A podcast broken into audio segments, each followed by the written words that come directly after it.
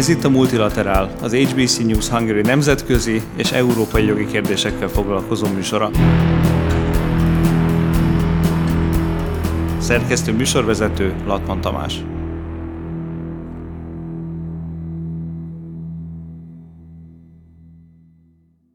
Üdvözlöm a hallgatókat a Multilaterál mai adásában. A mai vendégem dr. Pataki Gábor, adatvédelmi szakjogász, egyetemi oktató kollega. És a mai beszélgetésnek a tárgya az lenne, hogy az adatvédelem kérdései hogyan mennyiben jelennek meg úgy alapvetően a jogtudományban, a jogterületén, különösen pedig ugye az Európai Uniós jog és a nemzetközi jog témaköre, témájában vagy szintjén. Ugye azt gondolom, hogy a hallgatók számára rögzíthetjük rögtön az elején, hogy az adatvédelmi jog azért a mai modern társadalomnak egy nagyon érzékeny szeletét fedi le, akárhogy is nézzük, ugye? Maximálisan köszöntöm én is a kedves hallgatókat. Eldöntendő kérdést kaptam, úgyhogy röviden válaszolok, igen. Ugye azt, azt, azt szokták mondani, meg azt szoktuk látni, meg a szakirodalomból is, meg, meg a mindennapi életünk is, hogy, hogy egyszerűen olyan mennyiségű adat képződik a mindennapi életünk során, um, hogy azt igazából, igazából hogy, hogy itt, ha szabad egy ilyen kicsit ilyen technikai jellegű poént elereszteni rögtön az elején, jogászként ezt amúgy is kicsit nehéz felfogni sokak szerint. Tehát az informatikával dolgozó barátaim, amikor ez a téma előkerül, akkor általában te csak egy hülye jogász vagy mondás keretében szokták ezt rövidre zárni. Tudsz egy pár mondatot mondani nekünk arról, mégiscsak ezzel a területtel sokkal intenzívebben foglalkozom, mint én, hogy, hogy milyen területeken vagy milyen példákat lehetne felhozni? Nem akarom Ádámnál és Évánál kezdeni, de ha szabad, akkor én egy pár évet visszaugrok. Most már kollégaként mutattál be, de talán nem titkolhatjuk el a hallgatók előtt, hogy, hogy hallgatód voltam, és nem úgy, mint ahogy ők most jelenleg, hanem még az egyetemen. És nem te voltál, hanem egy, egy kollégád, aki első évben azt mondta nekünk, hogy amellett, hogy nyilván egy csomó mindent fogunk tanulni, a jogi egyetem sok esetben azért arról fog szólni, hogy teljesen hétköznapi dolgokról megtanítjuk önöket úgy beszélni, hogy az átlagember ne értse. És hogyha van a hallgatóknak ilyen élménye, hogy mi kapnak a, a NAV-tól egy 16 oldalas levelet, ahol le van írva egy olyan dolog, hogy vettem egy ingatlant, ennek a 4 át be kéne fizetni, ez ennyi pénz, ha nem tetszik, akkor ide írjál, és akkor újra számoljuk. Ez 16 oldalon van leírva. Mm, bizonyos szempontból az egy egyet lehet érteni ezzel a mondattal, még hogyha kicsit azért humoros is volt, de az adatvédelem ez pont ez a szó, ami, ami teljesen más, hogy használ a jogász, és ezért lehet az az élményed neked is, hogy amikor beszélsz informatikus barátokkal, akkor ugyanazt a szót használjátok esetleg, mégis teljesen más dologról beszélgettek, mert másra gondoltok. Mert az adatvédelem, hogyha most megkérdeznék valakit az utcán, akkor jó eséllyel azt mondaná, hogy hát vannak mm, számítástechnikai eszközeim, laptopom, telefonom, jelszóval védem, pinkóddal védem, meg vírusírtó, meg tűzfal.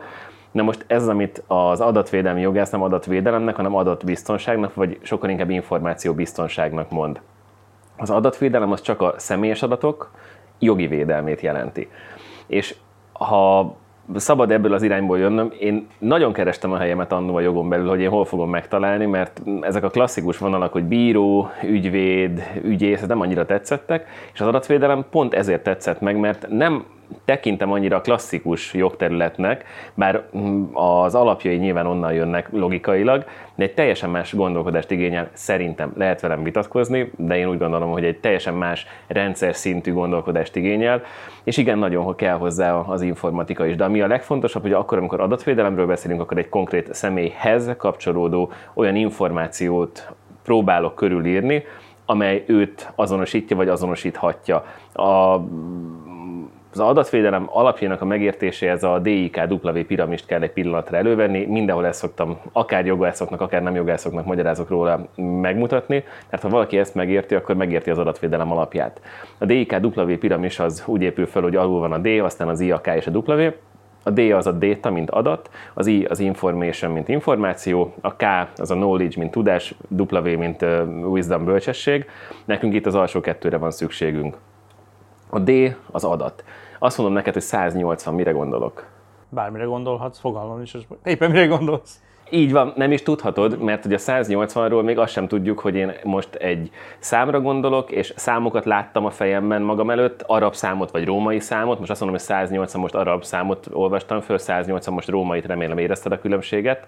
Én csak azért mondom, az egyik nagy kedvencem, hogy az alaptörvényben vannak arab és római számok, és, és azt mondom, hogy hatodik cikk, akkor ez nem biztos, hogy az arab hatodik, vagy a római hatodik, de nem tudhatod, hogy egyébként eh, betűk voltak leírva, semmit nem tudsz. Ez csak egy adat az adatnak önmagában nincsen jelentése ahhoz, hogy jelentés kapcsolódjon hozzá, kontextusba kell helyezni. Ekkor lépünk egyel följebb a piramisban, akkor válik információvá, hogyha van egy kontextus. Ha azt mondom, hogy 180 az én testmagasságom, hát hétfő reggelente, péntek délután már csak 178 körül járok, de hétfő reggel még 180, akkor ez egy testmagasság, és az adat így válik információvá. Ha azt mondom, hogy mondjuk az egyik előadó terem az egyetemben 180 fő befogadására alkalmas, akkor ez a 180 egy létszám, egy lehetséges létszámot jelöl. Ha azt mondom, hogy egy RGB kódban az R betű, akkor az a piros keverés, stb. stb. nem megyek bele, mert így érthető. Akkor lesz egy adat személyes adat, hogyha ez a kontextus egy ember, egy konkrétan élő személy.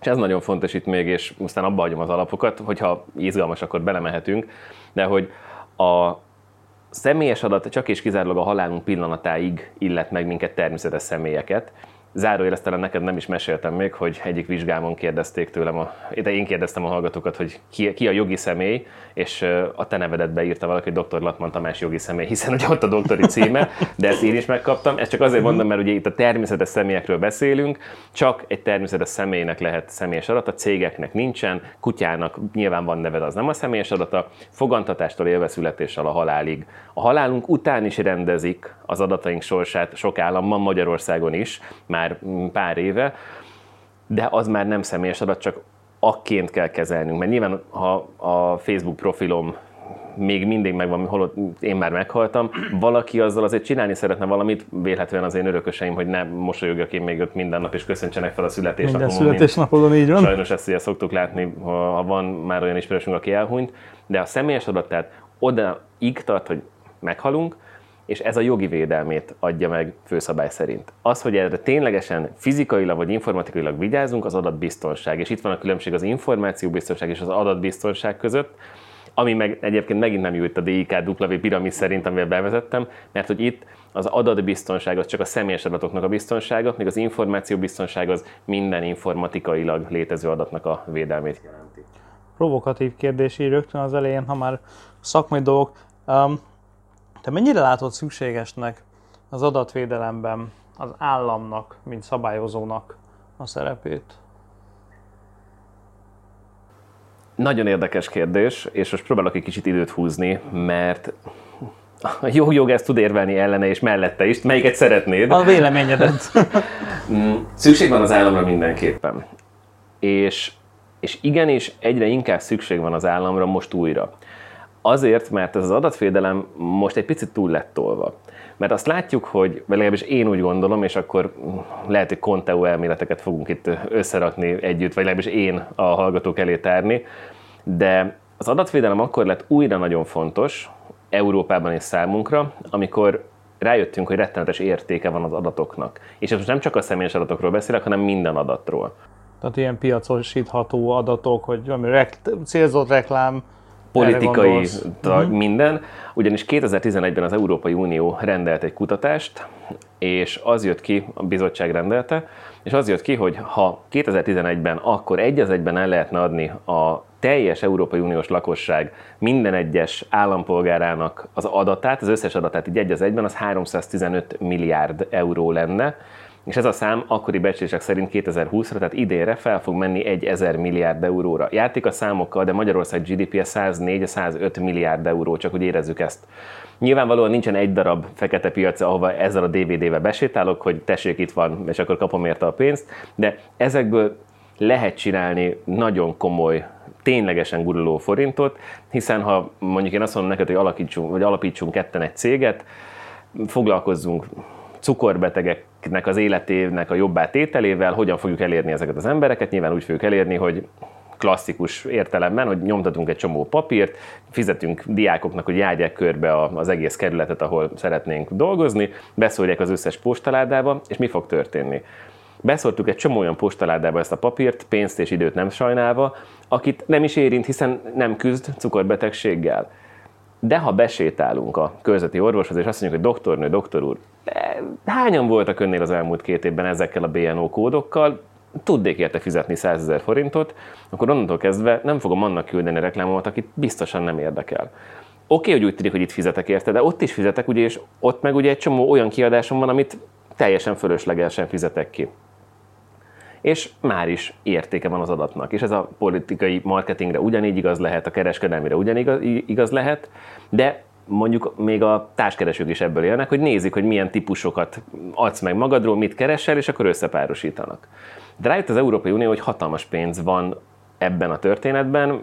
Elcsépelt mondás, vagy számomra már elcsépelt, mert annyit látom és mondom és hallom, hogy a 21. század olaja az adat, és most nem csak a személyes adat továbbra sem, mert nyilván nagyon sok adatról beszélhetünk, de rájött az Unió, hogy valójában ez kettő nagy cég kezdi el kipumpálni, és már pumpálja folyamatosan ezt a pénzt magához haza, és ezek egyikük sem európai cég, nyilván mind a kettőt ismered és ismerik a hallgatók, az egyiket ugye úgy hívják, hogy Facebook, a másikat meg úgy, hogy Alphabet, most az Alphabet nem biztos, hogy egyből ismerős, ők a Google-nek az anyacége, valószínűleg volt egy magyar könyvelők, és mondták, hogy oda kell kivinni a nyereséget, de náluk van, és ők csinálnak ebből a pénzből valamit. Az Európai Unió azt mondta, hogy oké, okay, akkor most kezdjünk el valamit ezzel kezdeni, és ekkor jött egy egységes szabályozás a GDPR, hogyha senki soha semmit nem hallott az adatvédelemről, akkor az a GDPR-t azonban tuti, hogy hallotta. 2018 májusban kezdett el orba szájba folyni, baltól jobbig, északtól délig, tényleg mindenhol, hogy így a GDPR, így a GDPR adatvédelem, és mindenki hallott róla, hogy legyen egységes a szabályozás Európában. És ugye ha már a hallgatók is elfelejtették, hogy miért beszélek erről, ugye azt kérdezted, hogy kell-e az állam bele. Igen, kell. Ugyanis az állam elsődlegesen önmagától akarta megvédeni demokratikus körülmények között az állampolgárait, hiszen hogyha visszaugrunk valamikor a 70-es, 80-as évekre, akkor azt látjuk, hogy egy olyan szervezet van, akinek rengeteg adata lehet, amivel könnyen vissza tud élni. Ez maga az állam és erre válaszul létre az adatvédelem a 70-es években, amikor az állam elkezd digitalizálni a nyilvántartásait. Most éppen olvasok egy, vagy olvastam egy könyvet, most értem vele véget egy pár nappal ezelőtt, Anna Furnernek egy könyve, Stázi ország, az NDK-ról szól. Minden hatodik vagy minden hat NDK-s állampolgára jutott egy besúgó. Akkora adatbázison ült a stázi, hogy az feldolgozhatatlan, és az emberek nem tudták, hogy mit tudnak róluk hogy mit tud rólam az állam. És a demokratikus államban, egyébként a, a falnak a másik oldalon Németországban, a szövetségi köztársaságban indulóan kezdte el azt mondani az alkotmánybíróság, hogy ha túl kíváncsi az állam, ha túl sokat tud az állam, az a szabadságuknak a korlátozása lesz. Hiszen nem tudom, hogy rólam mit tudnak, lehet, hogy nem is jól tudják, csak valaki rólam egyszer azt mondta nekik, és jelentette, hogy egyébként otthon bújtatom a, a, akármit, bármit, amit nem lehet. Mint ahogy a stázi anyagainak egy részéről is tudjuk, hogy úgy is mondjam, tehát értékét tekintve hulladék volt. De lehet, hogy emiatt nem vettek föl valakit egy egyetemre, és nem tudta, és nem tudta azt mondani, hogy egy emberek, hát hogy ami oda le van írva, az nem igaz, és én be tudom bizonyítani, hiszen nem mutatták meg neki, nem is kérdezhetett, nem az az államberendezkedés volt, ahol kérdezhettem.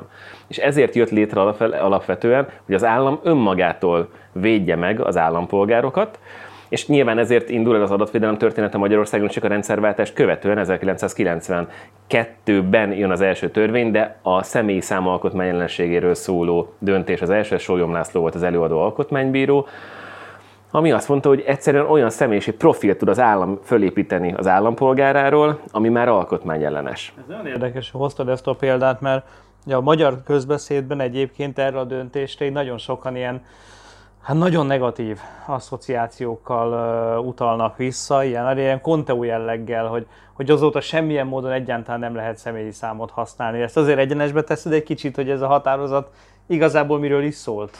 Igen, akkor lehet-e olyan személyi számot használni? Kérek mindenkit, hogy vegye elő a lakcímkártyáját, és nézze meg, hogy van-e rajta személyi szám. Mert, mert van.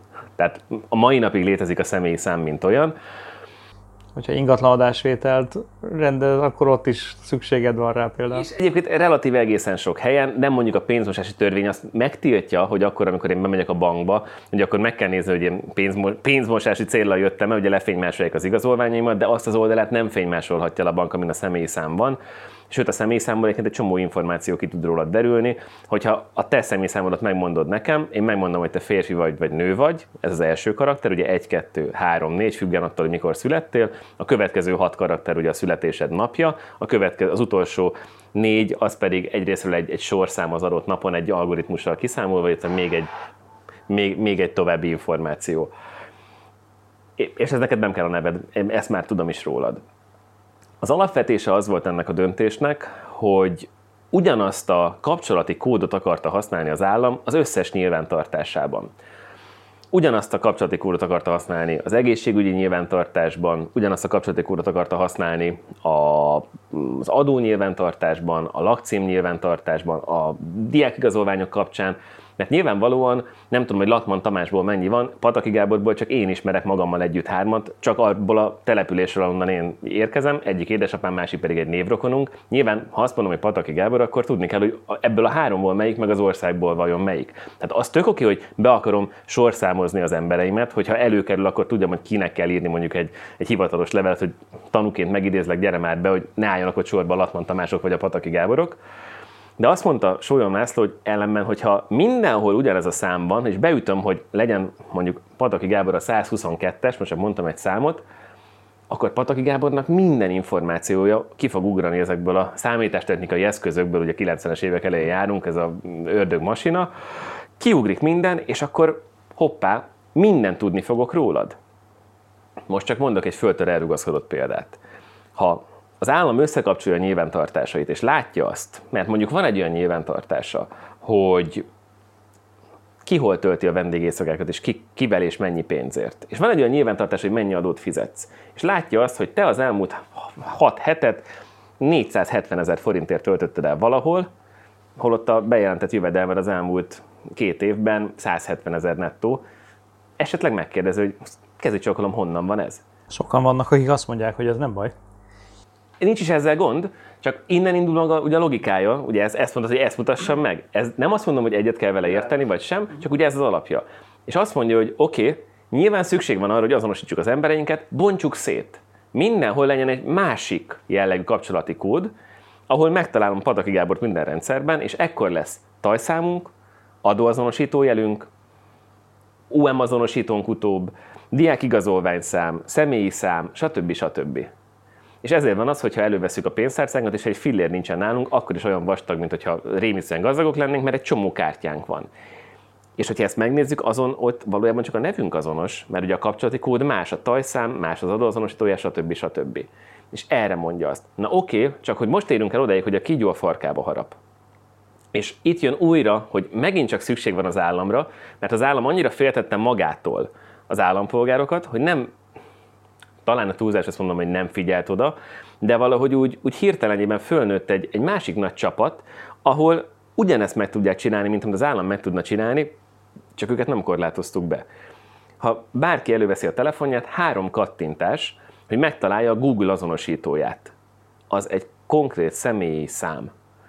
És ez a személyi szám megjelenik mindenhol, én csinálok valamit az interneten, és észreveszi, hogy ez én vagyok, és a teljes személyiség profilomat fel tudja építeni. És a Facebook is ugyanígy működik, hogy építi a profilokat. És most jön az, hogy az állam megpróbálja, azután, hogy magától megvédte az állampolgárait, megpróbálja megvédeni ezektől a nagy cégektől, amelyek felnőnek lényegében állammá nőnek az államon belül, megpróbálja megvédeni az embereket. Ha most azt nézzük a Facebooknak, ez egy pár héttel ezelőtti hír, az elmúlt hónapokban az aktív, legalább egyszer az adott hónapban belépő tagok száma 2,5 milliárd fő.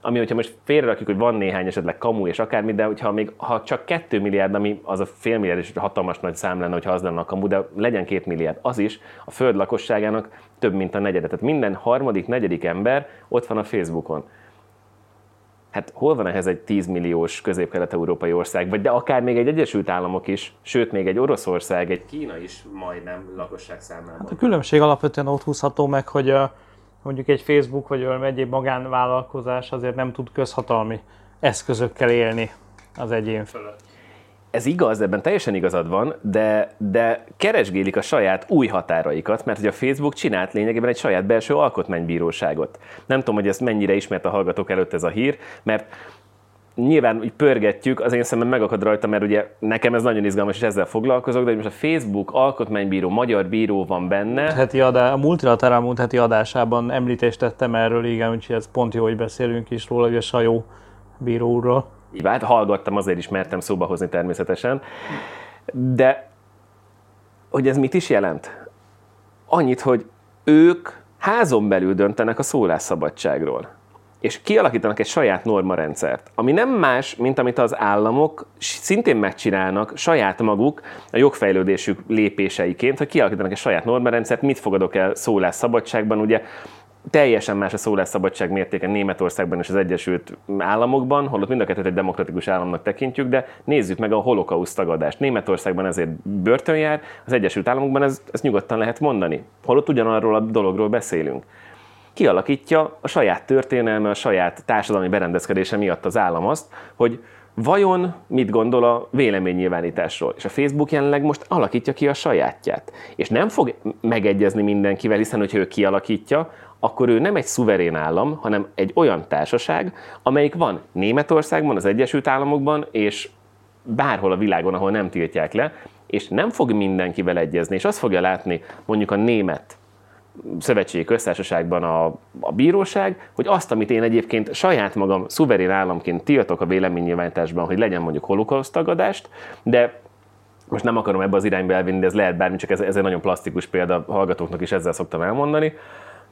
Még a, Facebook azt mondja, hogy bocs, én Amerikában azt tanultam, hogy ezt nyugodtan lehet mondani. Hogy ez miért nem oké. Ezért mi ezt összeraktuk.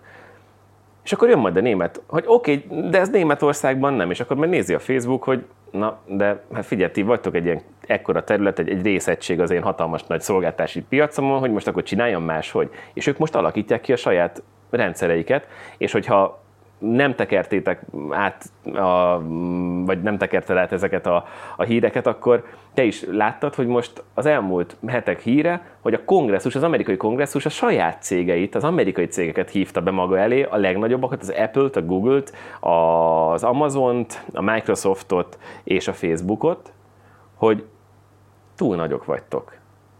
Arról szólnak a hírek, hogy fel kell darabolni a Facebookot. Már a saját állama is egy kicsit tart nem tudom, kérdőjelen mondom, a saját hátán felnövő cégektől, és most nem arról van szó, hogy Trump neki megy a kínai cégeknek, mert az meg teljesen egyértelmű, persze szabadságuk és minden más, de nem kéne tudni az amerikai állampolgárokról ennyi mindent a kínaiaknak, hiszen egy csodálatos könyvet olvasok a Földrajz fogságában Tim Marshalltól, aki bemutatja geopolitikailag, hogy hogyan működik a világ és miért így működik. Ő azt mondja, hogy jelenleg egy, egy, egy második hidegháborúban vagyunk benne, mert elfogadjuk a jelenlegi világ berendezkedést, de azért tartunk már nagyon egymástól. És amikor Trump azt mondja, hogy ne kínai cégek, akkor ebben az is bent van, hogy gyerekek, túl elengedtük őket, hiszen ez is, és az adatokon Hát meg, meg ugye az is benne van, hogy elnökválasztás lesz idén. Persze, nyilván hát benne van ez, ez kierősíti is. ezeket az egyébként legitim mondásokat és problémafelvetéseket. Persze. Ez teljesen igaz, csak amikor aztán fölhívják a Trumpot, hogy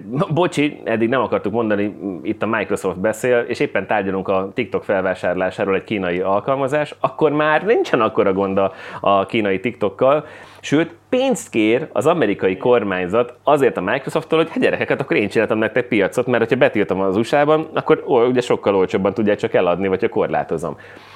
Tehát szükség van az államra, mert, mert az állam, az állam az végül is mindig bízunk és hiszünk benne adott, és valamilyen szinten van rá hatásunk most nem azt mondom, hogy itt Magyarországon, Svájcban, Németországban, bárhol, hanem hogy általában az állam lényegét tekintve. Mármint a polgárok. A polgároknak, neked és nekem és a hallgatóknak eljárhatunk szavazni, elmertünk tüntetni, tehát van valamiféle ráhatásunk. Igen, ugyanígy lehet mondani, hogy ugyanilyen ráhatás van a cégek fölött is, tehát van ugye a Facebookon is, vagy Facebookkal szemben is, a Google-al szemben is, nem használom a keresőjüket, nem használom a Facebookot, ezzel is hatást gyakorlok rá. Jó, ne neves ki nagyon hangosan Jó, nem, felvetésem. Nem, nem, nem, nem, absz- nem, abszolút igazad van, mert egyéni szinten ezzel tudok tenni, de ami ott a nagy különbség, hogy nincsen olyan ráhatásom, hogy még csak egyetlen egy szavazattal sem tudom azt befolyásolni, hogy kik fognak ott bent ülni, és milyen jellegű döntéseket hoznak. Mert úgy nagyon demokratikusnak tűnnek, hogy, hogy ők a, fölírják nekünk, hogy gyere ide, küld be a véleményedet, és stb. bármi, de hát nem vagyok benne biztos, hogy ha Pataki Gáborka ír nekik egy e-mailt, akkor utána azt kinyomtatják és rohannak a vezérigazgatóhoz, hogy na most megjött a levél, amire vártunk. Szükség van az államra, mert, mert az, az állam azért egy, a mai tudásunk szerint egy elég kialakult valami. Ezek a cégek meg nem annyira régiek. Én a magam részéről ott látom valami minimális szükségességét az államnak még mindig, hogy a közhatalmi eszközök, a legitim kikényszerítő eszközök azért végső soron ott vannak az ő kezében.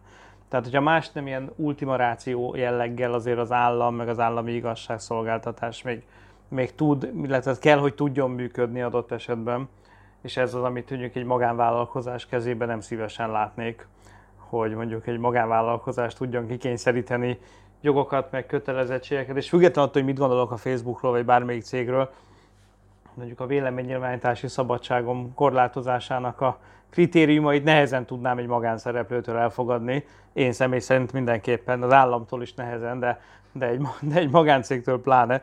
Szóval ezek a kérdések most innen előttünk vannak. Csak nekem van egy olyan érzésem néha, hogy és nagyon jó, hogy azzal a történelmi megközelítéssel nyitottál, hogy annak idén mi volt az adatvédelemnek a célja. És ugye Magyarország egy ilyen, mondjuk mondhatjuk, hogy 20-25 év késéssel érkezett rá erre a történetre, akárhogy is nézzük, ennek nyilván történelmi politikai okai vannak. De ugye ez a, itt, itt ez azért érdekes, mert általad említett nagyobb cégek, um, már amikor Magyarország beérkezett a rendszerváltás után ebbe a jogállami időszakba, most hívjuk úgy egyszerűen, akkor igazából a magyar jogalkotás, a magyar politika, a magyar kormány, tök mindegy, hogy ki volt a miniszterelnök, meg mikor, nyilván nem erről szól a történet, de már egy olyan kész helyzetbe érkezett oda, amikor ugye Solyom László az Alkotmánybíróságon köbrajzolta a személyi számot, amikor már a valóság, mintha már egy brossúrával egyébként előttünk lett volna. Nekem még előttem van a 90-es évek közepén az, amikor, amikor, amikor Bill Gates ide látogatott Magyarországra, és, és Hongyula volt a miniszterelnök, nem tudom, hogy emlékszel még erre, vagy csak én vagyok annyira öreg, um, hogy mindenképpen egy nagyon érdekes látvány volt, hogy Hongyula, mint miniszterelnök, ugye úgy fogadta Bill Gates-t, meg a Microsoft delegációját, mint egy állami vezetőt és mint egy állami delegációt. Nyilván Bill Gates oldalán a dolog teljesen egyértelmű volt, miért volt fontos a látogatás. Hát ugye be kellett Microsoftosítani a magyar közigazgatást, a közoktatást, a felsőoktatást, tehát ez teljesen világos, hogy piaci érdek volt mögötte. De nagyon érdekes volt, hogy vajon, amin akkor gondolkodtam, hát mennyi idős voltam én is, akkor olyan valami 20 év alatt lehettem még, és arra emlékszem, hogy gondoltam rá, hogy hogy, hogyha vajon, hogyha ezek az emberek, Bill Gates és a többiek kitalálnak valami okosságot, ami nekik jó, akkor arra vajon a magyar politikum felkészültsége, az vajon tudna -e ennek valamilyen módon ellenállni? És most nem csak a gazdasági lobby erőre gondolok nyilvánvalóan, hanem egyáltalán arra is, hogy, hogy, hogy amikor Hongyula rácsodál, rácsodálkozik a kipakolt számítógépre, ahol, ahol a monitorokon mindenhol a Windows 95 logója villog, 60 Hz-es képfrissítési monitorokon, és a magyar televízió kamerája, ezt, azt a képfrissítés szinkront, azt el lehet képzelni, hogy hogy vissza, hogy, hogy vajon mennyi, mennyi esélye van egyáltalán ennek a politikumnak, meg ennek a kormánynak, meg ennek az országnak ilyen esetben, amikor ekkora, ekkora spétek vannak. És ehhez képest azt láttuk ma akkor is, hogy az Európai Unió, a viszonylag friss Európai Unió már sokkal hogy is mondjam, próbálok nem csúnyán fogalmazni, de agresszívabban állt föl, állt ellen, mondjuk akár konkrétan a Microsoftnak, ugye emlékezetesek volt a Media Player-rel kapcsolatos fogyasztóvédelmi bírság, amit már akkor nézett mindenki, hogy az EU ilyet is tud. Mit tud az EU ma igazából? Említetted a GDPR-t. Hát, hogyha a mit tud az EU és mit tud ezen cégekkel szemben, és talán nem is a szemben, hanem, hanem még a jogérvényesítés mellett talán pozitívabb Igen, az üzenete ennek, akkor, akkor nem az adatvédelmet. Uh-huh. És most elugatok a saját területömről, és elugrok innen. Hmm, sokkal inkább a versenyjog az, ami, amit segíteni tud. Ugyanis magyar szinten azt mondom neked, hogy 6,4 milliárd forint, kérsz tőlem ennyit, vagy el, tud, el tudsz ennyit költeni, akkor, akkor azt mondjuk, hogy az rémisztően sok pénz.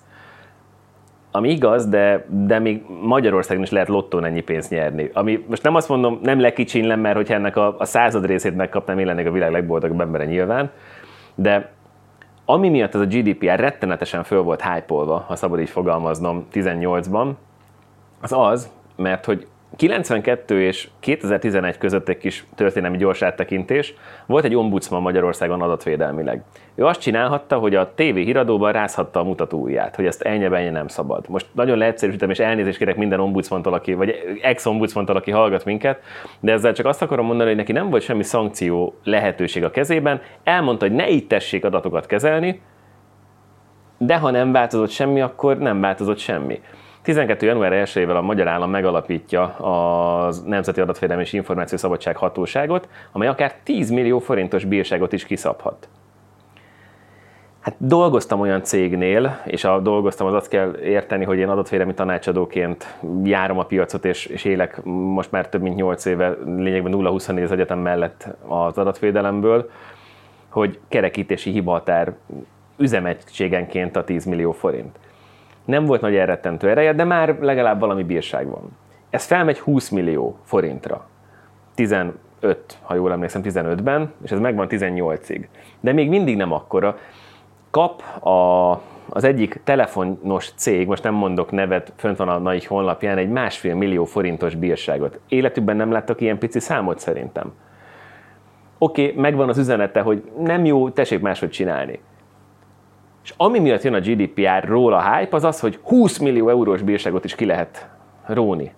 Hú, hát 6,4 milliárd forint, vagy az éves világszintű árbevétel 4%-a, ami nyilván sokan magasabb egy Google, Facebook esetében, ezért bünteti meg a francia hatóság 19. januárjában 50 millió euróra a Google. Itt tisztázzunk valamit gyorsan ugye ezt a bírságot, ezt a megemelt összegű, a korábbi magyarhoz képest jelentősen magasabb bírságot, viszont nem egy uniós hatóság szabja ki, ugye? Így van. Ezt, ezt minden esetben az adott országnak a felügyeleti hatósága, vagy főfelügyeleti hatóság, attól függ, hogy milyen rendszert épít fel. Ez Magyarországon a magyar hatóság, a NAI. Van más országokban is ilyen, és ők eljárnak. Tehát ad abszurdum előfordulhat, hogy a 26, most már ugye 26 Európai Uniós tagállam mindegyik egyedileg megbünteti lényegében ugyanazért a hibáért a Facebookot, mert hogy szolgáltatja ugyanazt a hibát a magyaroknak, a németeknek, a spanyoloknak, stb. stb. De ez még mindig egy kicsit széttagolt rendszer. És hogyha most mindenhonnan kap 26 országból egy 20 millió eurós bírságot a, a, a Facebook, számoljam ki gyorsan, az mennyi? 520 millió Csak euró? jogászok vagyunk. Igen, 500, szerintem 520 millió euró. Falmarhasok. Igen, de ezzel szemben, előbb, amikor említetted a Microsoft bírságolását már a 90-es évekből, azon a hajón, ahol a versenyjog van, ott azért, mert a Facebook fölvásárolja a WhatsAppot, nyilván azért, hogy jobbítsa a szolgáltatását és eltüntesse az, el, az ellen, a leendő ellenfelet a piacról. Meg, és, a, meg, és, az, meg az Instagramot például. Így van, és megven egy, megvegyen egyébként egy, egy fehér foltot, mert Dél-Amerikát alig ismerte a Facebookot, WhatsApp volt. Hogy adat és adat és adat. Azért már itt megbüntetik 110 millió euróra, de a Google azért, mert a Google Shoppingot használja, és elnyomja itt a teljes piacot, 2,42 milliárd eurós bírságot kap versenyjogilag az Európai Unió Bizottságától. Egy évvel később az Android rendszer túltolt használata miatt több mint 4 milliárd eurós bírságot kap. És ezek már nem szúnyogcsípések nekik sem. Annyira egyébként, hogy csak hogy elhelyezzem kontextusba ezt az egyébként felfogadatlan számot, a 2, oh, közel két és fél milliárdos mm, versenyjogi bírság, 2,36 század, ha jól emlékszem pontosan, az 50, 13 napi bevétele a Google-nek, 13 nap alatt két és fél milliárd eurót tudnak csinálni, de 51 napnyi nyeresége. Tehát azért az a bírság, mert elviszi a majdnem negyedéves nyereséget. Azért az már a Google-nek is fáj. Tehát a GDPR nem tud ilyen nagyságban fölmenni jelenleg mm, bírságolásilag, de szerintem nem is ez a cél elsődlegesen, nem a bírságolás. Ez egy, ez egy újabb olyan ostor, ahol össze lehet forrasztani az Európai Uniós tagállamokat, és az Európai Uniót magát, és lehet erőt demonstrálni kicsit kifele, meg amúgy befele is. Csak jelenleg befele azt érzi a sarki fűszeres Marika néni, aki kirakott egy kamerát, amit megvásárolt a, a barkácsáruházban, hogy lehetőség szerint ne azonnal verjék fejbe, csak miután legrafitizték, hogy na most innentől kezdve nekem jön a adatvédelmi tanácsadó, és két és fél millió forintért akar írni nekem egy szabályzatot, hogy kamerával megfigyelt terület, Marika néni őrzés, hat naponta belenézés, izé. De hát ott, ott is lecsapódik, mert bár mindenki, bárki, aki adatot kezel, annak erről oda kell figyelnie. De annak idején egyébként a GDPR-ral kapcsolatban nekem, aki leginkább csak kívülről ugattam a témát akkor, meg akkor is. A GDPR egy környéki dolgok egy része, egy picit az Európai Unió részéről is egy ilyen PR tevékenységet, és mint hogyha magába foglalt volna, hogy az Európai Unió ugye ugyanolyan szabályozó szervezet, entitás, mint, minden áll, mint sok minden állam, meg egyéb, tehát néha bizonyítani akarják azt, hogy van létjogosultsága az ő létének, és akkor ilyenek születnek az Európai Unió keretében, mint például a 2017 óta létező EU-s, vagy 18 óta létező EU-s roaming, hogy nem kell ugye roaming díjat fizetnünk a nemzetközi... Na mondjuk én azt imádom, tehát szó se róla. Tehát nagyon hasznos dolgok. Az Európai Tehát engem megvettek maguknak. Nem csak téged, hát én is itt Prága meg Budapest között ingáztam, hát gondolj bele, hát ez persze nagyon fontos volt nekem is. Um, rögtön feleslegesé vált a két kártyás telefonkészülék a meg a magyar kártyával.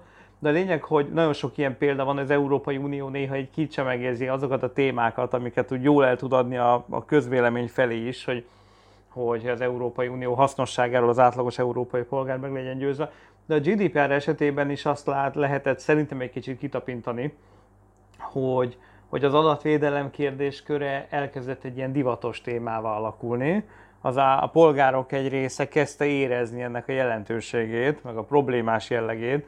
Ugye egyre többen kerültek abba a helyzetbe, hogy ránéztek egy webshopra, és másnap a Facebookon, meg az egyéb helyeken az összes targetált reklám hívta őket, vagy küldte őket vissza ugyanarra a webshopra. Tehát ott azért már sokan kezdték érezni, hogy itt azért van valami lehetséges probléma. És erre egy ilyen látványos eredményként került elfogadásra a GDPR, ami ugye egy Európai Uniós rendelet, ami azt jelenti, hogy szabályozó eszközként elég sajátos, tehát nem függ a végrehajtása az állami hatóságok bármilyen tevékenykedésétől, nem kell átültetni magyar törvénybe, minden más. Szerinted megoldható lett volna egyébként, hogy a tagállamok saját törvényi szabályokkal hasonlóan szigorú szankciókat tegyenek lehetővé? Nem, nem. Szinte biztos vagyok benne, hogy nem. Volt erre próbálkozás, annál is inkább, mert ugye említetted, hogy ez egy rendeleti szintű szabályozás volt 2016-ban a GDPR, ami 18-tól alkalmazandó. 95 óta volt irányelvi szintű szabályozás az adatvédelem területén, ami ugye nem, nem neked kell elmondanom, hogy mi a kettő között a nagy különbség. Az irányelv ugye annyi, hogy a, hogy a focipályának a határait kell, hogy azon belül játszatok. És mindenki kitalálja, hogy azon belül hol akar játszani és hogyan játszik. Míg a rendelet megmondja, hogy konkrétan mit kell csinálni.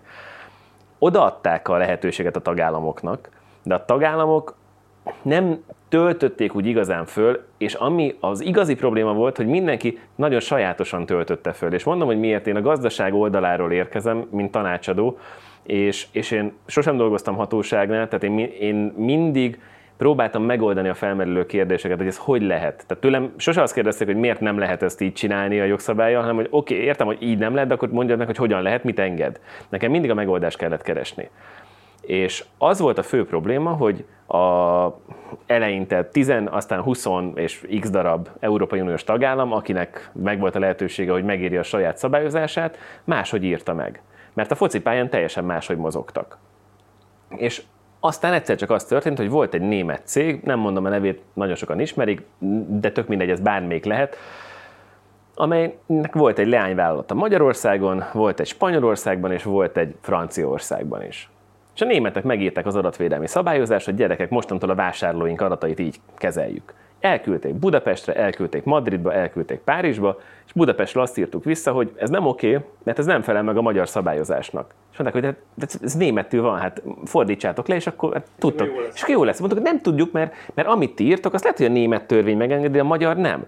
Aztán jöttek a spanyolok, hogy az jó, mint a magyarok mondanak, de ahhoz képest nekünk meg megint egy picit más, és azt vettük észre, hogy az Európai Unió területén, ami ugye önmagában összesen akkor nagyobb, mint Brazília, tehát egy, egy ország mondjuk, pici-pici széttagolt területenként más és más szabályok vannak, és azok a nemzetközi cégek, amik nem világszinten, de akár csak Európai Unió szinten próbálnak kialakítani egy rendszert, ahogy átlépik a határt, más kell csinálniuk. És ha nagyon-nagyon ilyen felül szeretnék emelkedni, és el, meg akarom az alap elveket keresni az Európai Unióban, hát pont ez a határon átnyúló lehetőségeket teljes egészében ripityára törte, mert hogy mindenhol önálló szabályozást kellett csinálni, zárójel, nyilván aztán ugyanazt a rendszert használták Németországban, Budapesten, Madridban és Párizsban, csak éppen a papírra leírt szabályok voltak egy kicsit mások, hogyha éppen a saját hatóságunk jön ellenőrizni, akkor annak azt tudjuk mutatni. Nem fog lefejleszteni egy világcég vagy egy Európai Unió szintű cég sem nyolc különböző szoftver, csak azért, hogy, hogy a picit másabb szabályozásra jó legyen az adott tagállamban. Úgyhogy volt erre kísérlet, nem működött. Plusz a Facebook is nyilván a színfalak mögött, meg a Google is azt mondta, hogy srácok, ezt találjátok ki ti ezen az Európa méretű valami, hogy mit szeretnétek, aztán majd szóljatok, hogyha van valami egységes álláspont, azzal tudok tárgyalni, de azzal, hogy, hogy lépek kettőt, és már megint más szabályoknak kéne megfelelnem, úgy marha nehéz lesz. Plusz így egyébként azért PR szinten is sokkal könnyebb a tagállamnak azt mondani, hogy Hát én nem akartam ekkora terhet róni a saját cégeimre, hiszen azért most köpködik azért nagyon sokan a GDPR-t azok, akik adatkezelők. Mert most egyrésztről tele lett a piac hatalmas szakértőkkel, 60 év tapasztalat tegnap alapított céggel, aki elkér a adatvédelmi átvilágításért angolórát adok, veszek jelleggel egy 76 ezer millió forintot, és aztán küld egy, egy olyan szabályzatot, amiben a, még az előző cég neve benne van hagyva. Voltam ilyen helyen, ahol megkértek, hogy nézzem már át, mert nem akarnak fizetni, hogy ezt hogyan nem, és mondom, hogy hát ott ezek egyértelmű szakmai hibák. Másrésztről meg neked valamit csinálni kell, és, és sokkal többet kéne csinálni, mint amit eddig csináltak. Az alapvető probléma az ez, hogy na ennyi benye, hát ki rótta ránk ezt a hatalmas terhet? És fölrakhatják a tagállami jogalkotók, a kormányzatok, az államok a kezüket, hogy bocsi gyerekek, hát az Európai Unió volt, ezt kaptuk, kaptuk ugye a Brüsszelből, Strasbourgból, Brüsszeli innen bürokraták kitalálták. Igen, de ez, ez most közel sem magyar, mert mindenhol nem, ez mindenhol ahol ez így van, és, és ez most nem az a vonat onnan jött, be kell tartani. Nem én akartam, és akkor, amikor kiáll a Nemzeti Adatvédelmi Hatóság elnöke, Péter Falvi Attila még 2017-ben egy konferencián, és azt mondja, teljesen jogosan egyébként, hogy nézzék, akkor, amikor a holland hatóság kiró egy 1 millió eurós bírságot egy jogsértésért, ugyanazért a jogsértésért, én nem adhatok Magyarországon 10 ezer eurót akkor nekünk is egy millió eurót kell. És akkor ott nyel egyet a közönség, hogy na jó, csak egy hollandok cégnek az egy millió euró nem biztos ugyanaz, mint egy magyarországi cégnek az egy millió euró. És itt erre azt tudjuk mondani, hogy oké, okay, az Európai Unió egységes szabályozást teremtett. Zárójel, hogy meg is védem azért ugyanezzel a lendülettel az Uniót, nagyon sokan elfelejtenek kettő gondolatot, és nekem ez, ez szívfájdalom, és ezt mindenhol elmondom. Az egyik az, hogy az Európai Unió ennek a GDPR-nak piac élinkítő szerepet szánt. Tehát nem azt, hogy abba hagyjunk mindent, és holnaptól dobjunk el mindent azonnal, és akkor ne csináljunk semmit, hanem piac élinkítő szerepet szánt. Azért sose lesz szilíciumvölgy az Európai Unió egyetlen pontján sem, de próbálta segíteni ezzel, hogy a házon belül maradjanak az adatok, mindenki Európában próbáljon meg mocorogni, és egy kicsit eltoljuk magunktól Kínát, Oroszországot és az USA-t, hogy csináljunk valamit, gyerünk, itt van egy egységes lehetőség, hogyha te jó vagy Magyarországon dolgozhatsz, dolgoztathatsz a spanyoloknál, a franciáknál, és akkor ebből lehet egy, egy ilyen össznépi Európai Uniós gazdasági érinklés is, ezt mindenki elfelejt, és el se hiszik. Tehát amikor azok a cégek, ahol én vagyok, ezt nem hiszik el, hogy gazdaságélénkítő szerep van, mikor a végén az ember benyújtja a számlát, hogy amúgy igen, most ez ennyi volt. Tehát nem, nem élénkítő, mikor ő fizet érte, de még mindig jobb, hogy egy, tan- egy igazi tanácsadónak fizet az ember, mint amikor majd a hatóságnak a közig, közigbírságot. A másik pedig az, hogy, hogy az adatvédelem nem abszolút jog, és ez benne van a GDPR negyedik preambulum bekezdésében, hogy az összes többi joggal együtt a jog szövetében elhelyezve kell vizsgálni, tehát van azért tulajdonhoz való jog, különböző gazdasági, egyéb szabad szabadságjogok, hogy, hogy nem az van, hogy van az adatvédelem, hosszú szünet és mindenki más, hanem azért ez el kell, hogy helyezkedve legyen. Jelenleg nagyon azt érzik, hogy van az adatvédelem, hosszú szünet és semmi más. Igen, de ez valahol természetes következmény annak, amikor valami ilyen félig meddig PR témává alakul, szóval az valahol ez természetes hatás ellenhatás törvény okán alakul ki. Az egy dolog, hogy szakmailag nyilván nem így korrekt, meg nem így van, és ez is jó, hogy említed. De egyébként ugye az, hogy hogy ez rendelet, és akkor a tagállamok tudnak mutogatni az EU-ra, és úgymond kicsit hárítani a felelősséget.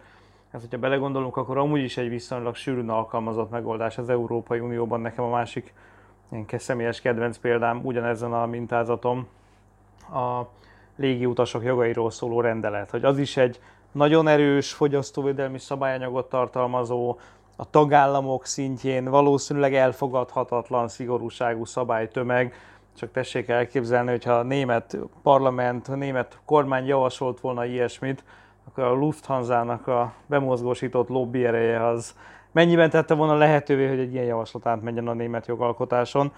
Nyugodtan ezt el lehet képzelni a megfelelően kisebb magyar politikum ellenálló képességét mondjuk az akkori Maléval szemben, amikor ez a jogszabály megszületett. Szóval ott is világosan látszik, hogy vannak olyan jellegű szabályok, előírások, amikre valószínűleg az egyes tagállami jogalkotási struktúrák alkalmatlanok, politikailag, gazdasági, egyéb nyomóerejük okán, vagy aznak hiánya okán erre lehet, hogy alkalmatlanok. Tehát ebből a szempontból a GDPR rendeleti szinten való szabályozása um, mindenféle szükségszerűség alapján azt gondolom, hogy indokolható, magyarázható. A kérdésem, amire azt volt, hogy, hogy, hogy el tudod-e képzelni, vagy el tudnád-e képzelni, hogy tagállami szintű szabályozásban ez megjelenjen, az igazából arra is irányult, hogy csak aztán utábbi kérdésre nem volt igazán szükség, mert jutottál magadtól is ide a végére, hogy, hogy itt az egységes európai piacnak a fejlesztése, mint kimondott, ki nem mondott cél, ugye ott volt, amit nyilván a gazdasági szereplők említetted, amikor föl kell készülni, akkor, akkor, akkor nem egészen így érzik. Annak idén Magyarországon itt tele volt sajtó, média, minden, hogy itt mindenki pánikolt. Emlékeim, emlékeim szerint a 2000-es év pánik volt hasonló, attól féltek annyira olyan sokan és nagy intenzitással, mint a GDPR hatályba lépésétől. Azért amennyire, hogy látod a piacon, de sikerült túlélni ezt a sokkot? Azt a sokkot, igen. Uh-huh. Most jött egy újabb sok, de akkor arról a sokról beszélek egy picit, és akkor mutatom, hogy mi lesz a következő nagy sok. 2016-ban jelent meg a norma szövege a GDPR-nak.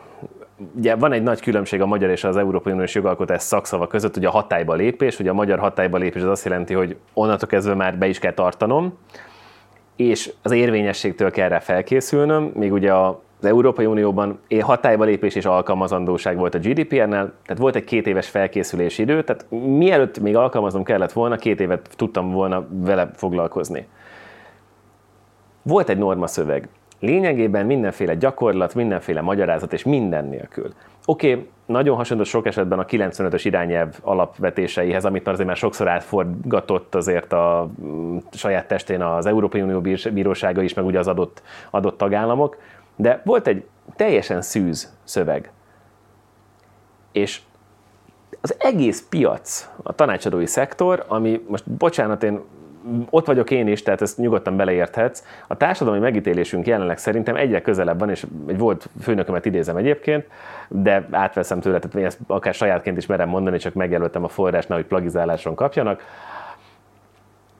a társadalmi megítélése az adatvédelmi tanácsadónak jelenleg valahol a, a, a multilevel marketinges eladni akaró ügynök, tehát a hibás rossz, meg a, meg a beépítős, piramis játékos, autó, nepperes ügynökös, átverős mm, jóbarát között van valahol társadalmilag.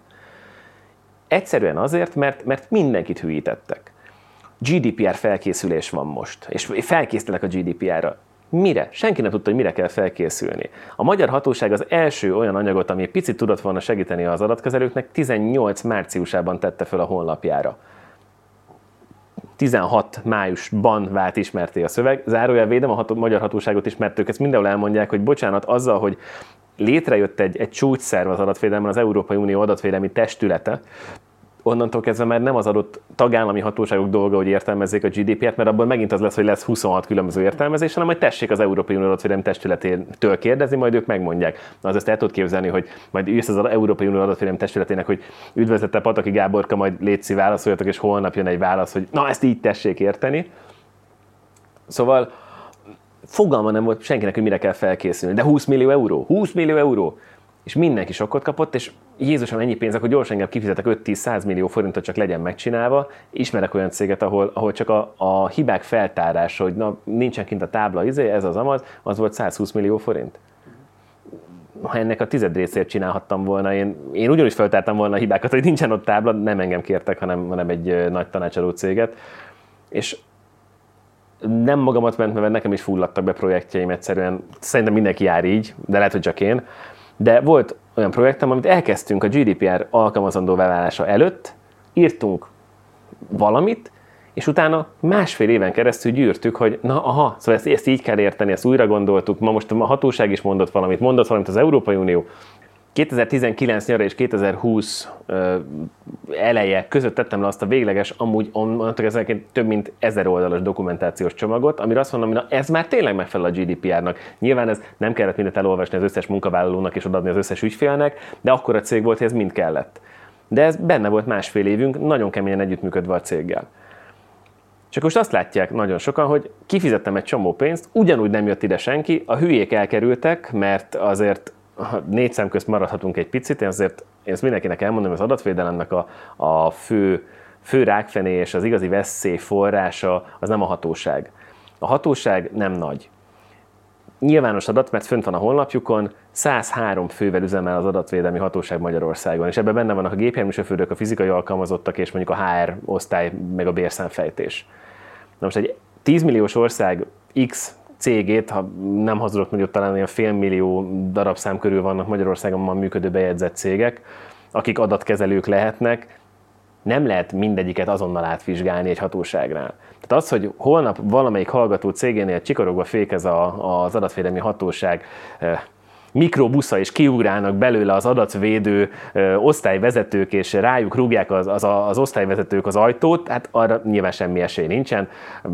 Mint ugye láttunk ilyet az egészségügyi világszervezetnek a, a a fekete autói ugye a filmben, amikor megpróbálják meg, megszerezni a vírust, hát ilyen nincs. De azért ugye a magyar néplélek, szokták volt ránk azt mondani, hogy, hogy ugye úgy, úgy gondolkodunk, hogy dögöljön meg a másik tehene is. Én ezt mindig mondom, hogy szerintem ezt egyáltalán nem igaz, hogy nem ilyen a magyar, mert a magyar úgy gondolja, hogy ne is legyen neki tehene, de ez mindegy. De hogy ez a lelkület sajnos benne van az adatvédelemben, mert az adatvédelem arról szól, hogy, hogy itt a bűnösség vélelme áll fent. Ez azt jelenti, hogy egészen addig, amíg én nem tudom adatkezelőként bebizonyítani, hogy megfelelek a jogszabálynak, addig azt kell rám, rólam gondolni, hogy nem felelek meg.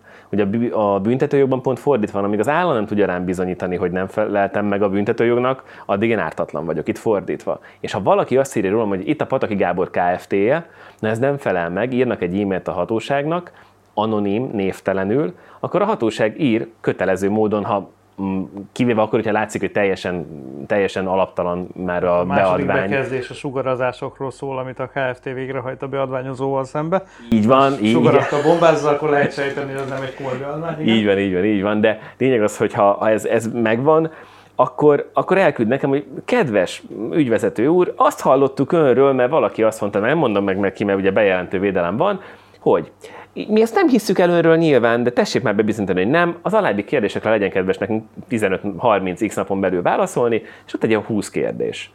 És ott fog ülni, hogy ó, de jó. Pénz, idő, paripa és fegyver, mert ugye ezzel kell foglalkozni másik melók helyett, és nekem kell bebizonyítanom. És az, hogy a hülye ügyfeled, a sértett munkavállalód, ne adj Isten a konkurenciád, küld egy ilyen levelet a hatóságnak, abból már van esély, hogy ott lesznek nálad. Az összes olyan ügy, ahol én, én benne voltam, mint tanácsadó az adott adatkezelő oldalán, mindig ilyenből indult. Hogy egy sértett munkavállaló, mert kirúgtak, szerintem jogszerűtlenül jelentsük füket föl mindenhol, a munkahogyi bíróságtól, a fogyasztóvédelmen át ez a nahi, nahi, ízé, akármi hat, azoknál mindenhova jelentsük fel ingyen van, vagy a sértett ügyfél, aki nem talál, nem kapott meg valamit, nem olyat kapott, direkt marketing cégnél dolgoztam, nem azt szállították ki neki, az adatvédelmi hatósághoz vitt bejelentést, dolgozni kell vele. És, és itt, itt van a probléma ebből, hogy, hogy ez egészében le tud csapódni a, a cégeknél, és ezért most őrület volt. De még mindig nincsen olyan volumen a hatósági ellenőrzéseknek és a bírságuknak látható szinten, mert fönt van a honlapon, hogy kiket büntettek meg, amitől most azt mondom mindenki, hogy kifizettem egy csomó pénzt, és, és ugyanúgy nincsenek itt nálam a hatóságtól. Most mi a fenének csináltam? És úgy, és úgy visszaült a piac egy picit. Amennyire én a saját makroszint nem, az a másik, szóval én a mikroszintemen látom, de azért sokakkal kapcsolatban vagyok, és tekintve azt, hogy tanítok a, az ország jelenleg, talán ha, szabad azt mondanom, mm, leg, igen, az biztos, hogy a legnagyobb létszám adatvédelmi szakjogász és szakember képzésénél, például azért sok hallgatóval beszélek, hogy az ő ügyvédirodáik, az ő cégük mennyire, azt többen mondják, hogy most visszaült a piac. Tehát érdeklődés van, de már kevesebbet fizetnek, vagy most akkor nem is fizetnek, majd akkor szólok, ha lesz valami. Hát meg annak idén nekem volt egy olyan érzésem abban az időszakban, amikor volt a pánik, hogy de akkor tényleg akkor boldog-boldogtalan adatvédelmi szakértő lett értve különösen az ügyvédi irodák, akik szakmányba írták, pontosabban copy a különböző adatvédelmi szabályzatokat, mert mindenki megtalálta az ügyvédjét, minden cég, hogy akkor kell egy adatvédelmi szabályzat, aztán volt olyan, amiben nem volt köszönet. Nem, nem, ebben nincs igazad, már ne haragudj, hogy ezt mondom, mert volt olyan, amiben volt köszönet. Ez, ez a mondat, ez így igaz. Uh-huh. Tehát ha, ha szabad egy picit egyrésztről pikírtkednem, másrésztről azért én, én nem vagyok jó véleménye az elmúlt időszakról, és kicsit magamról sem, azért azt a hat húzzam alá, hogy itt most nem, nem én vagyok a, a felhőkből lelevegő adatvédelmi nagyság, aki, aki véleményt mond a piacról, mondom, nekem is volt besült projektem, ami egyszerűen nem, nem, nem, nem tudott végigfutni.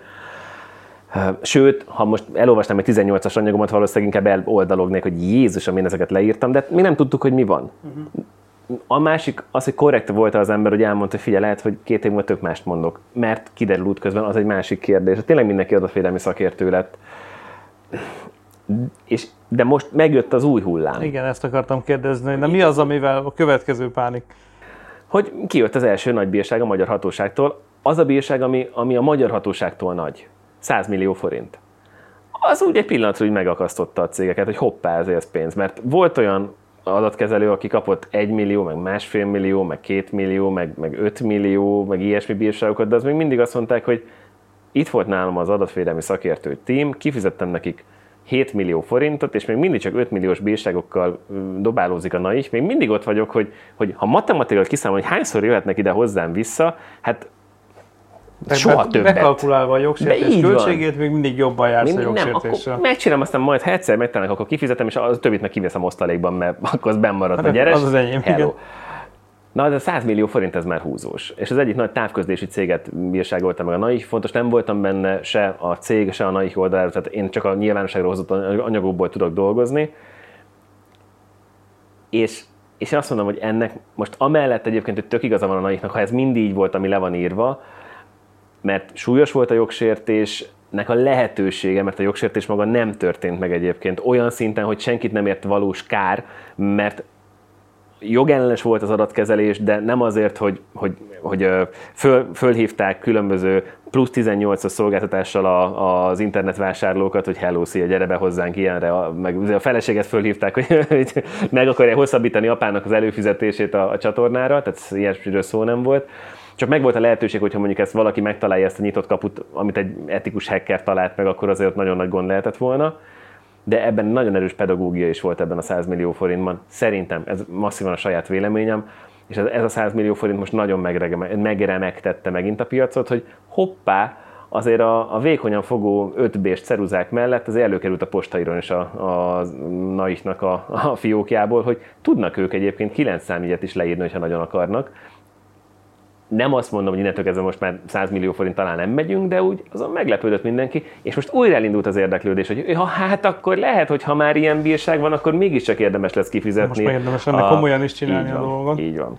De amit látok, az, hogy, az, hogy a piac letisztult. Pont ezért. Van, le, volt egy kis piactisztítás az elmúlt egy évben. Eltűntek azok, akik hirtelen akartak nagyon nagy pecsenyét sütögetni, és van, aki lesütötte, valaki nem és az árak is visszamentek nagyjából arányosan oda, ahol, ahol az InfoTV az előző jogszabályunk előtt vagy alatt jártak, nyilván egy picit inflálódva, kicsit magasabb, kicsit ö, több szakértős díjjal, de, de most úgy, úgy nyugi van, és, és újra ha most, ha most tényleg jó adatvédőt keresel, akkor, akkor találsz. Plusz az igazán jókat ne azért nem lehetett megkapni az elmúlt időszakban, mert, mert, mert hát a fülén vette mindenki a levegőt, és hadd legyek ennyire szerénytelen, hogy azért oda merném magamat sorolni. Volt olyan cég, hogy tényleg mondták, hogy fizetni akarnak, de mondtam, hogy nem, nem, nem az a baj, hogy, hogy persze értem, hogy fizetni, de nem tudom megcsinálni, mert nem fér bele az időbe. És akkor elmentek valaki, ezek azt mondják, hogy figyelj ezt a pénzt, ó, hát azért nyilván meg fogja csinálni. Uh-huh. Vannak olyan vélemények, amelyek a GDPR-ben, GDPR-ban látják, tehát ebben az uniós rendeletben látják egy, látnak egy olyan potenciális lépést, amit, ami az Európai Uniót egyfajta ilyen föderalizált, vagy föderális jellegű állam irányába elviszi. És vannak ilyen érvelések, hiszen minél több ilyen kérdés, minél több ilyen döntés, minél több ilyen jogalkotás van. Nyilván ez lehet érvelni, hogy ez az egységes piac okán mindenképpen szükséges. Ugye a másik ilyen most a 7 éves költségvetési kerettel kapcsolatban a nagy uniós első hitelfelvétel. A, a, a GDPR, tehát az uniós rendelet egyébként amellett, hogy tisztában vagyunk ennek a jogi természetével, hogy az elvileg leszabályozza a területet, és nem hagy teret a tagállami szabályozásnak elvileg, de vannak olyan területek, amik a GDPR-ban nem lettek leszabályozva, tehát a tagállamoknak még úgymond a szuverenitású gyakorlása megmarad bizonyos részlet kérdésekbe vagy egyebekbe, vagy mondhatjuk, hogy a GDPR tényleg egy olyan jumbo, ami, ami, ami teljes mértékben lefedi az egész teret. Nem. Na, illetve jó, jó a kérdés, mert nem tudtam jól válaszolni, de nem az az utolsó tagmondatra vonatkozott, nem fedi le teljesen. Dobtak csontokat a tagállamoknak, dobtak húsos falatokat, és dobtak egy, egy hatalmas nagy, egy, teljes oldalast. Ha, ha szabad ilyen gasztronómiai példával élnem, dobtak csontokat, mint hogy a GDPR nem foglalkozik a halál utáni sorsával az adatoknak. Azt minden tagállam intézze el. A magyar tagállam hozott is rá szabályt. Na most mm, tudom, hogy hülye hangzik, de most valójában oké, okay, nyilván szeretnék örök élni, ugye eddig sikerült, de hogy a halálom után mi történik az adataimmal, az már annyira nem izgat. Az örököseidet lehet, hogy izgatja. Az igen, de az, az, az, az már az ő bajuk. Én erre mondom azt, hogy az ez nem annyira fontos, mint mondjuk a, a, az egészségügyi adataimat, hogy mondjuk éppen vérvételen voltam minap, egy magánegészségügyi szolgáltatónál, és fölírták a tajszámomat, holott aláírtam, hogy nem TB támogatott. És nem tudom, hogy miért kellett akkor a tajszámom. Azt én is értem ilyenkor, hogy miért, miért kérik ezek a szolgáltatók a tajszámot, tajkártyát. Csak ugye náluk tű volt, úgyhogy megadtam. Tehát ez, de, de hogy az már úgy jobban, vagy elmegyek egy, egy bőr és nemi beteg gondozóba, e, sose értettem, hogy ezt a kettőt hogy sikerült egymás mellé rakni, tehát hogy állok sorba bőr és nemi beteg legyen, gondozónál. Legyen mit mondani, hogy nem arra jöttem, nem arra hanem arra. hanem a másikra. Vagy mondjuk, és ott vagyok, és, és tényleg csak a, a, a hátamon levő anyajeggyel vagyok, de, de mondjuk útközben észrevesz valamit a doki, és ad egy kenőcsöt, amit aztán onnantól kezdve, holott semmi köze nincs a házorvosomnak, meg aztán utána a fülorgégészemnek a, a közös mm, magyar nagy egészségügyi szolgáltatói térben már mindenki látni fog. Ezek már jobban érdekelnek, nyilvánvalóan. Tehát erre mondom azt, hogy a halál utáni adataim azok kevésbé izgalmasak, mint az egészségügyi adataim. Úgyhogy ezt oda. Jönnek a húsosabb falatok, amikor azt mondja a GDPR, hogy a biometrikus, az egészségügyi és a genetikai adatoknak a kezelésére vonatkozó részletszabályokat a tagállamok is megállapíthatják. Ő állapít meg egy sornyi szabályt, de ezen túl korlátozó vagy enyhítő feltételeket ő is meghatározhat.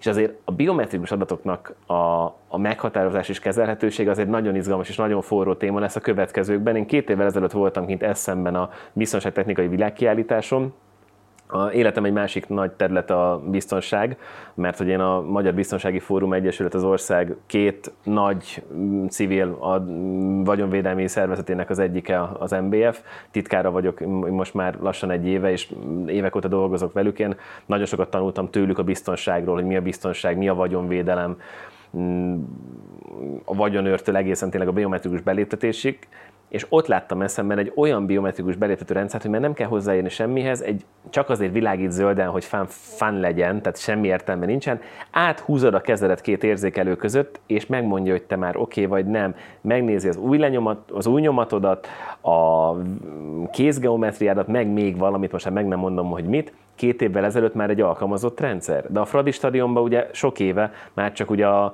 hétköznapi nyelven a vénaszkennerre lehet bemenni sőt, most már egyre több, nagyon sok ilyen amúgy is új nyomattal nyitjuk az ajtót, meg a számítógépet, a meg telefont. a telefont, de egyre elterjedtebb. Na ez már olyan, hogy itt a tagállam azt mondta, hogy na, akkor itt most megmondom, hogy házon belül mi van. A magyar biometrius, a magyar hozzáállás a biometrikus adatokhoz azért az eléggé kevésbé a támogató, mint sem inkább a tiltó, még a tűrőt sem éri el sok esetben. Úgyhogy itt dobtak ezért egy, egy, egy komolyabb lehetőséget. Még itt van egy, itt van egy kompetencia hiány, tehát ez azért olyan hatáskör, ami, nem egyértelműen uniós hatáskör, tehát ebből nem lehetett teljesen kinyomni a tagállami szabályozó képességet. Ha úgy tetszik, a tagállami szuverenitást itt nem lehetett teljesen nullázni, mert ez nem egy átadott hatáskör tartozó kérdés, a bioetikával kapcsolatos kérdések, ott vannak más szabályozók. Illetve az egészségügy sem, Igen. ugye, ha, sőt a genetika sem. Uh-huh. És aztán, ami aztán az abszolút megmaradt, hiszen ez sose volt átadva az Európai Uniónak, az pedig a bűnügyi adatkezelések. És ezt nyilván te erről nálam sokkal-sokkal többet és hosszabban és sokkal jobbat is tudnám mondani, de az Európai Uniónak az egyik fő rákfené az, hogy, az, hogy nincsen közös hadsereg, és nincs, nincs egy igazi közös nagy, közös nagy bűnöldözés, mm. hanem nyilván kommunikál egymással minden egyes tagállam, de, de mindenki sajátját csinálja. Abból hatalmas egy felháborodás lenne, hogyha azt mondják, hogy oké, okay, most akkor az összes rendőrséget megszüntetjük, és akkor innentől kezdve lenne az EU polisz, és viszontlátás BRFK, ORFK, meg policáj, meg policia, meg, meg akármi de a bűnügyadatkezelést egy az egyben visszaadta a tagállamoknak. Csak irányelvi szinten szabályozta, nem is hozta be a GDPR tárgyi hatájába, megmondta a keretrendszert, és gyerekek, mindenki csinálja. Holott ugyanolyan adat, ugyanolyan személyes adat, de annyira speciális, hogy ott egész évben visszaadta a tagállamoknak. Úgyhogy a kérdésedre igen, a GDPR hagyott ki területeket, amiket nem fedett le, illetve van még egy, amit nem fedett le, de ezeket a magyar jogalkotó sem fedte le, ez a személyes háztartási célú adatkezelés, hiszen nyilván te is, minden hallgató, én is rengeteg adat, adatot kezelünk a telefonunkban, amit, hogyha cégként csinálnék, akkor rettenetes előírások lennének. Egyébként meg ott van egy telefonkönyv névvel, telefonszámmal, meg egy csomó megjegyzésem, mert e-mail címet odaírhatsz, céget odaírhatsz, ezeket kezeled. És bízunk benne, hogy vigyázol rá, mert ha nem, akkor majd maximum elmegyek veled face-to-face pereskedni a polgári bíróságra, hogy Tamás elhagytad a mobilodat, ott volt benne a nevem, és, és gyönyörű nők hívogatnak most már hetek óta, és ez engem rettenetesen zavar nyilvánvalóan, hiszen mindenki Pataki Gábor telefon számára vágyik így lassan egy órás beszélgetés után a hangom alapján, és már mennék is a bíróságra. De ezt azt mondta a GDPR, hogy gyerekek, ezt, ha akarjátok, intézetek házilag, ha speckó szabályokat akartok, akkor majd minden tagállam. Hát itt meg ugye hát a szubszidiaritás elve az, ami fölhívható ilyenkor, hogy az annyira pimf, pitiáner, bagatel kérdés, úgymond, hogy nem biztos, hogy az uniónak kéne ezt szabályoznia.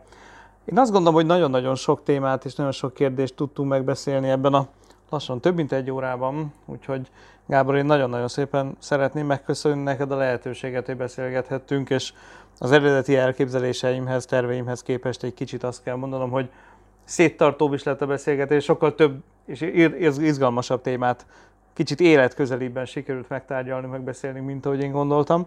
Úgyhogy nagyon szépen köszönöm a lehetőséget, hogy beszélgethettünk erről, és hogy rendelkezésünkre álltál, meg a HBC News Hungary hallgatóinak a rendelkezésére álltál. Úgyhogy bízom benne, hogy valamikor valamilyen keretek között folytatjuk majd megnézzük, hogy még hány százmilliós bírságot vágott ki a magyar hatóság megfelelő módon a következő időszakban. De ha lesznek ilyen érdekes ügyek, akkor, akkor azt gondolom, hogy egyszer majd mindenképpen azért is külön érdemes lenne leülni, hogy nézzük át azokat az eseteket, konkrét ügyeket adott esetben uniós jogi csatlakozással, amik, amik, amik valahogy a hallgatók számára is érdekesek lehetnek. Nagy örömmel és köszönöm szépen. És ha szabad, akkor erre csak azt tudom mondani, hogy amikor azt mondom valakinek, hogy adatvédelemmel foglalkozom, akkor a világ legsótlanabb területének tartja, hogy Jézusom, biztos lekaparod az arcodat, holott nem, mert, mert nagyon-nagyon izgalmas. És ezt szerettem volna egy kicsit megmutatni, hogy ez, ez azért sokkal több annál, mint hogy én, én leírom egy szabályzatban, hogy adatkezelő kettős pont, mit szabad és mit nem szabad, dátum, viszont hallás, viszont látás. De hát most dátum és viszonthallás, viszontlátás, és ha úgy van, akkor jövök szívesen Úgy, újra. Köszönöm úgy gondolom, szépen. hogy sikerült. Köszönöm, Köszönöm szépen, szépen a viszonthallásra. Köszönjük szépen a hallgatóinak a figyelmet, és találkozunk jövő héten. Viszonthallásra.